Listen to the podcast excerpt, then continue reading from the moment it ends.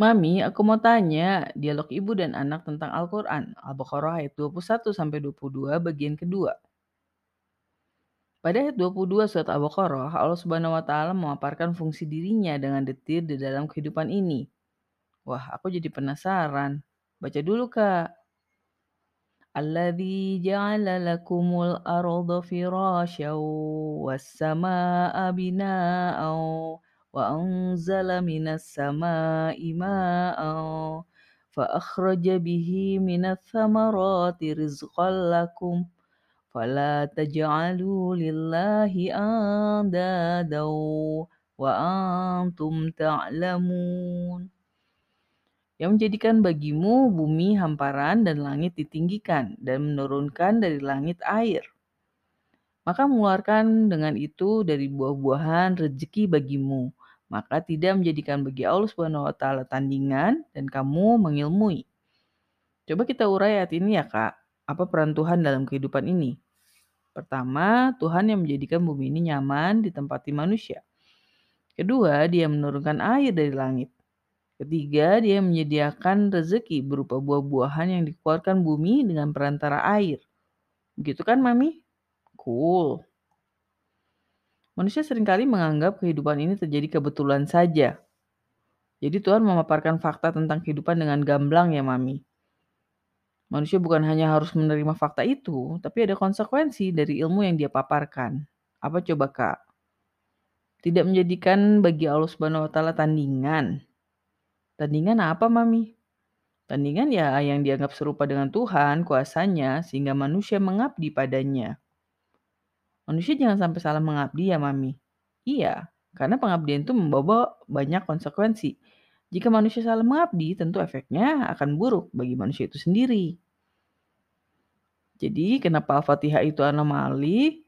Karena pernyataan mengabdi pada hanya uh, hanya pada Allah Subhanahu wa taala itu lahir dari kesadaran manusia. Betul. Itu adalah pencapaian tertinggi dari kesadaran manusia. Sedangkan pada ayat 21 sampai 22 ini manusia diarahkan kesadarannya oleh Allah Subhanahu wa taala. Tapi sepertinya manusia mentok pada fakta soal penciptaan. Banyak manusia tidak mau mengakui dirinya diciptakan. Kira-kira kenapa Kak manusia menolak fakta tentang penciptaan? Hmm, mungkin karena manusia merasa sebagai tokoh utama dalam kehidupan. Fakta ini membuat manusia merasa sekadar jadi objek Tuhan. Iya Kak, kebanyakan manusia merasa kiprahnya di dunia jadi terbatas jika menerima diri sebagai ciptaan.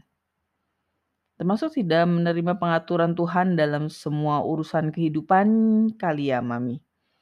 Iya, mereka pikir memasukkan unsur Tuhan dalam kejadian sehari-hari membuat mereka malas dan tidak mau berusaha bersungguh-sungguh. Makanya konsepnya adalah percaya diri, bukan percaya Tuhan. Betul, mereka yakin manusia tidak membutuhkan Tuhan untuk mencapai apa yang mereka inginkan dalam hidup ini, termasuk menentukan hukum sosial. Memangnya benar, Mami, kalau kita percaya akan kuasa dan takdir Tuhan, kita jadi malas-malasan menjalani hidup? Ya salah lah, Kak. Justru dengan bersandar pada kuasa dan takdir Tuhan, kita malah bisa melampaui keterbatasan kita sebagai manusia. Karena adanya pertolongan Tuhan ya, Mami. Betul, hanya manusia yang sombong yang tidak merasa perlu membutuhkan Tuhan. Tapi banyak manusia yang tidak merasa membutuhkan Tuhan. Allah Subhanahu wa taala memang menciptakan kemampuan otak manusia yang luar biasa sehingga mampu memahami kehidupan yang kompleks dan rumit ini. Manusia itu hanya setara dengan Tuhan di pemikiran aja ya, Mami. Ya tidak sih, kecuali kalau seluruh manusia bersatu dalam satu otak mungkin saja. Itu mengapa manusia membangun artificial intelligence ya, Mami? Iya, Kak. Mereka juga sudah mampu kan membangun robot dan mesin. Jika AI digabungkan dengan robot dan mesin, pada akhirnya manusia akan tersingkir. Bisa jadi, tapi jika manusia sudah tidak lagi menjadi manusia, maka dunia akan kiamat. Karena Al-Quran petunjuk untuk manusia ya Mami, bukan untuk cyborg. Hehe, betul. Jadi ini berarti Tuhan menyerah Jelas tidak, Kak, karena asal muasal kehidupan ya dari Tuhan. Allah Subhanahu wa taala selalu jadi pemenang.